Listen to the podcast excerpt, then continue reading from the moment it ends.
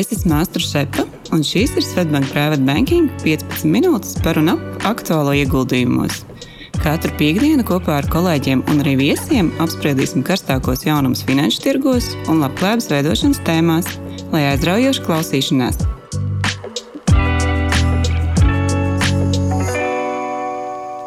Esiet sveicināti podkāstu kārtījā epizodē. Šodien man ventam uz sarunu ir pievienojusies privāta banķiera Olga Veselova. Čau, Olga! Čau, Vent! Nu, tad šodien atskatīsimies notikumiem janvārī. Gads kopumā ir iesācies, nu, varētu teikt, ka labi. Akciju turgu, tirgos turpinās izaugsme. Bija nu, nedaudz tāda kā sacensības sajūta, kad regulāri nāca ziņas, ka kāds uzņēmums pārspēs citus, sasniegti jauni augstākie punkti. Un uzņēmumi arī sāka paziņot pagājušā gada rezultātus un deva tādas prognozes par šo gadu, kā ies turpmāk. Un īpaši interesanti ir šī nedēļa, kad rezultāts paziņo nu, šie visi lielie tehnoloģiju uzņēmumi ASV. Nu, bet tad visu pēc kārtas paskatīsimies, kā ir sācies jaunais gads un kuri notikumi piesaistīja mūsu uzmanību. Šoreiz tomēr sāksim ar Eiropu, kas ir mūsu mājas tirgus. Tādēļ noteikti ir vērts paskatīties, kā sokas Eiropas ekonomikai. Olga, vai var īsumā ieskicēt, kāda situācija un kādas ir prognozes? Um, es teiktu, ka šis gads Eiropā ir iesācies ar pozitīvām ziņām. Pirmā labā ziņa ir par inflāciju. Tā jau ir zema un būs vēl zemāka nekā prognozēts. Pamatinflācija ir sarukusi līdz 4,4% Latvijā un 3,4% Eirozonā. Negluži Eiropas centrālās bankas mērķis, kas ir 2%, bet progress ir acīm redzams. Un uh, otrā labā ziņa ir par centrālām bankām. Tas sāks mazināt procentu likmes, plānots, ka jau vasarā vai pat ātrāk. Bet ir jāatcerās, ka procentu likmju mazināšana ietekmē ekonomiku ar novelošanos. Un, protams, ir jāņem vērā arī ģeopolitiska situācija pasaulē, kas var kavēt ekonomikas atkopšanos. Pēc Svetbanka prognozēm šogad strauju izaugsmi neredzēsim. IKP augs par 1,4%, bet 25. gadā ceram redzēt nedaudz straujāku izaugsmes tempu, kas ir 2,7%. Jā, cerams. Bet uh, ir vēl viena laba ziņa, ka Eiropa pagājušo gadu tomēr ir izvairījusies no recesijas, uh, lielā mērā pateicoties um, labākai izaugsmai, kā gaidīts Itālijā un Spānijā. Tomēr uh, izaugsme kopumā ir bijusi ļoti vāja, un vairāk šeit varam runāt par stagnāciju. Bet uh, nu, kā ir gads sācies Eiropas akciju tirgos? Mm, gan pozitīvi, jo viens no galvenajiem Eiropas finanšu tirgus indeksiem, Stoks 600, janvārī ir uzrādījis pusotru procentu pieaugumu, lielā mērā pateicoties veselības aprūpes nozarei. Šveices Lonza grupa uzrāda 21% pieaugumu, Vācijas morfozijas plus 17%. Lielisks rezultāts uzrāda arī izklaides nozarē, piemēram, Lielbritānijas uzņēmums Flutter Entertainment un pusvadītāju un to ražošanas iekārtu milzīs ASML Holding. Jā, šeit ir jāpiemina, ka pagājušo gadu veselības nozare uzrādīja vājāku rezultātu. Nu, tad cerams, ka šogad uh, to spēs kompensēt. Un, ja atcerieties, tad pagājušā gada aprīlī Luksus preču holdings LVMG nu, kā pirmais Eiropas uzņēmums vēsturē pārsniedza šo zīmīgu 500 miljardu dolāru nu, uzņēmuma vērtību, jo tirgus kapitalizācijas slieksni. Pēc tam gan akciju vērtība ir pakritusies, jo liktās cerības uz Ķīnas tirgu neataisnojās. Nu, tomēr pagājušo nedēļu LVMG prezentēja ļoti labus gada rezultātus, un akcijas cena dienas laikā uzlēca par 12%. Nu, tur plus mīnus arī ir palikusi. Uh, Nu, tomēr par šo laiku LVMG tirgus kapitalizācijas ziņā ir apsteidzis jau nu, diezgan bieži mūsu podkāstos minētais diabēta un arī svara zaudēšanas zāļu ražotājs Nava Nordisk. Un, pateicoties šai ažiotāžai, ap svara zaudēšanas zālēm un arī tiešām labiem 23. gada rezultātiem, vakar Nova Nordisk kļuva par otro uzņēmumu Eiropā, kam ir izdevies pārsniegt šo zīmīgo 500 miljardu dolāru vērtības slieksni. Bet, nu, kā ierasts, Mm, gada sākumā pirmās šos rezultātus paziņo arī bankas. Kā, kā Olga izskatās ar Eiropas banku sektoru?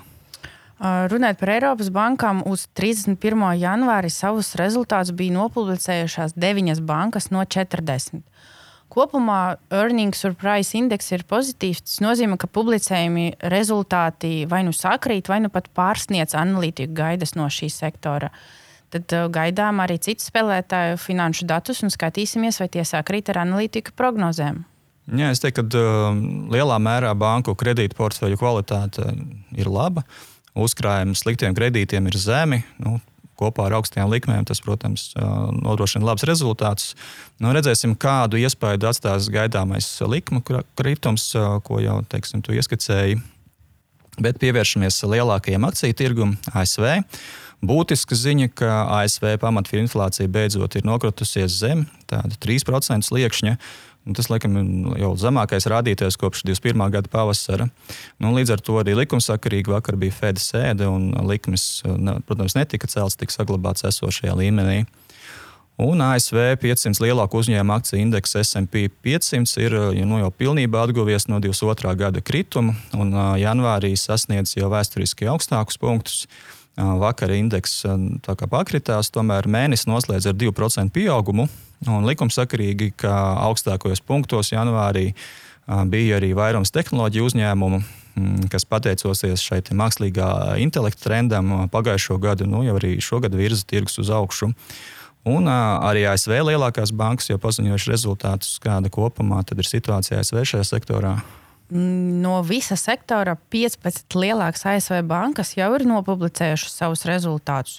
Tur earnings per price indeks ir virs 7%, kas parasti tiek uzskatīts par tādu kā standartu. Savukārt rādītāji virs 7% norada uz pozitīvu noskaņojumu sektorā. Un šeit vidējais peļņas pārsteiguma indeks bankām ir ap 10%. Nu jā, banku sektors atgūstas. Nu, ja tomēr, ja mēs viņu salīdzinātu ar Eiropas banku akcijām, tad uh, ASV banku akcijas nebūtu no augstākajos punktos, nu, īpaši jau šīs reģionālās bankas, kuras pagājušajā gadā diezgan cieta.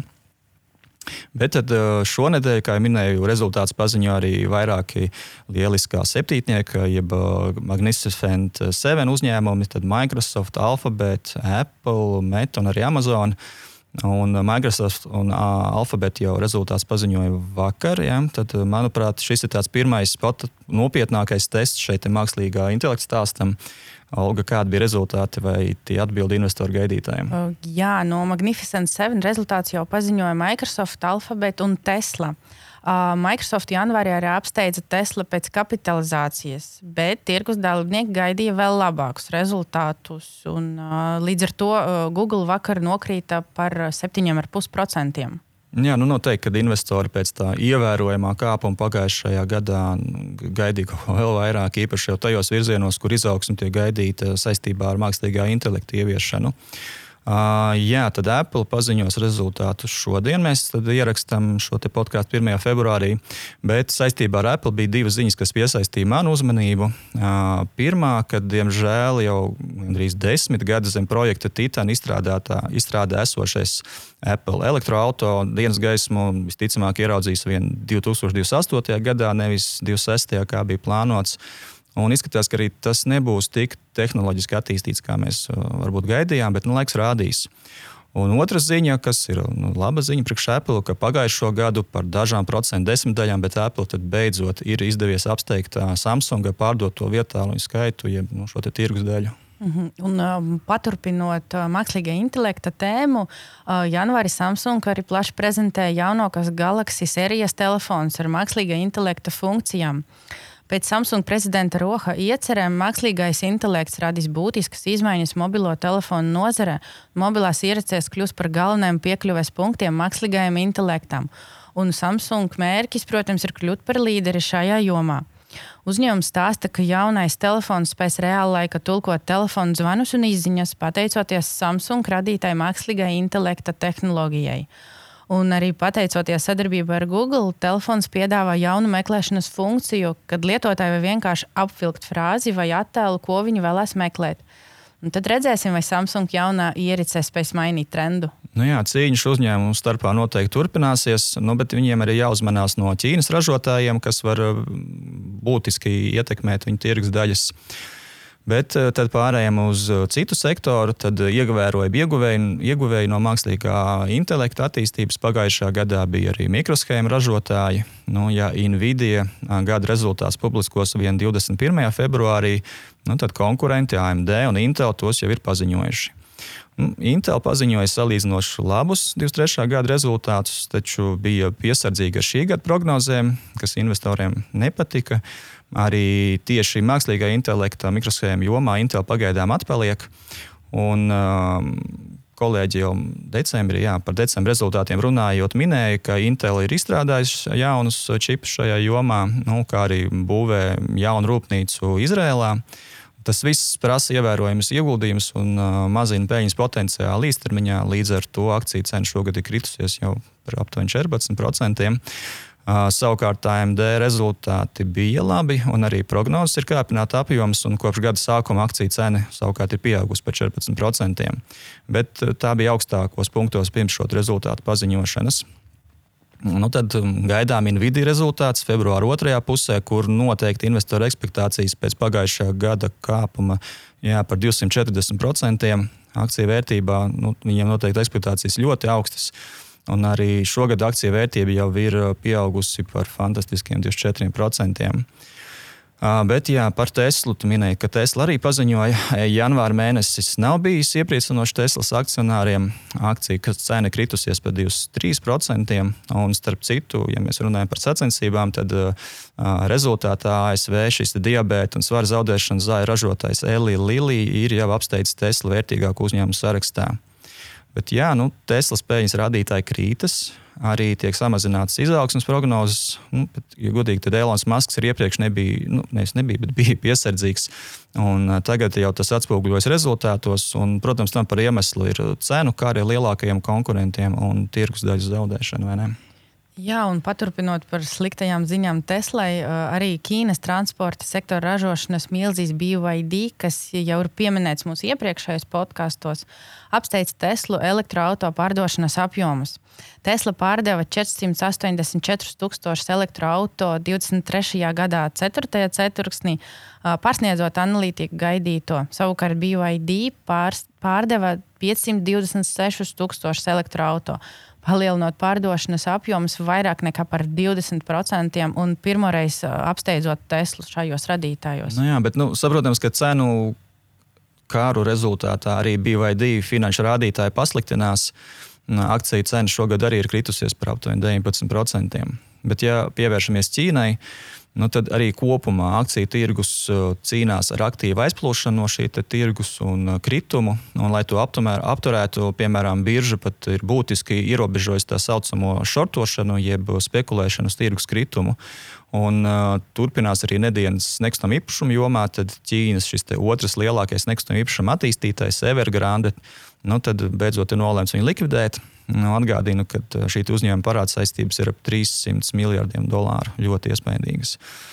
Un vēl uh, kontekstā, ko mēs varam varbūt par Ķīnu un vēlēšanām ASV, tad, ja vēlēšanās uzvarēs Donalds Trumps, tad uh, nu, tirzniecības un nodokļu kā arī Ķīnas un ASV starpā visticamāk tikai sāsināsies.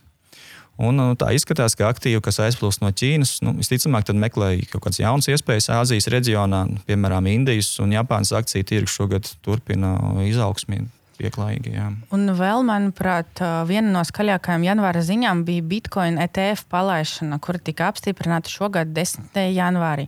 Un tam arī sekoja strauji cenas kāpums līdz pat 48,5 tūkstošiem dolāru. Pagājušajā gadā Bitcoin pārspēja daudzus vadošus aktīvus un indeksus, gan tradicionālus, gan arī citu kriptovalūtu. Bitcoin tirgus cena gadu laika pieauga aptuveni par 160%. Tomēr pēc ETF ieviešanas investori sagaidīja vilšanās, jo bija cenu kritums, un daudzi investori nolēma piefiksēt savas pozīcijas.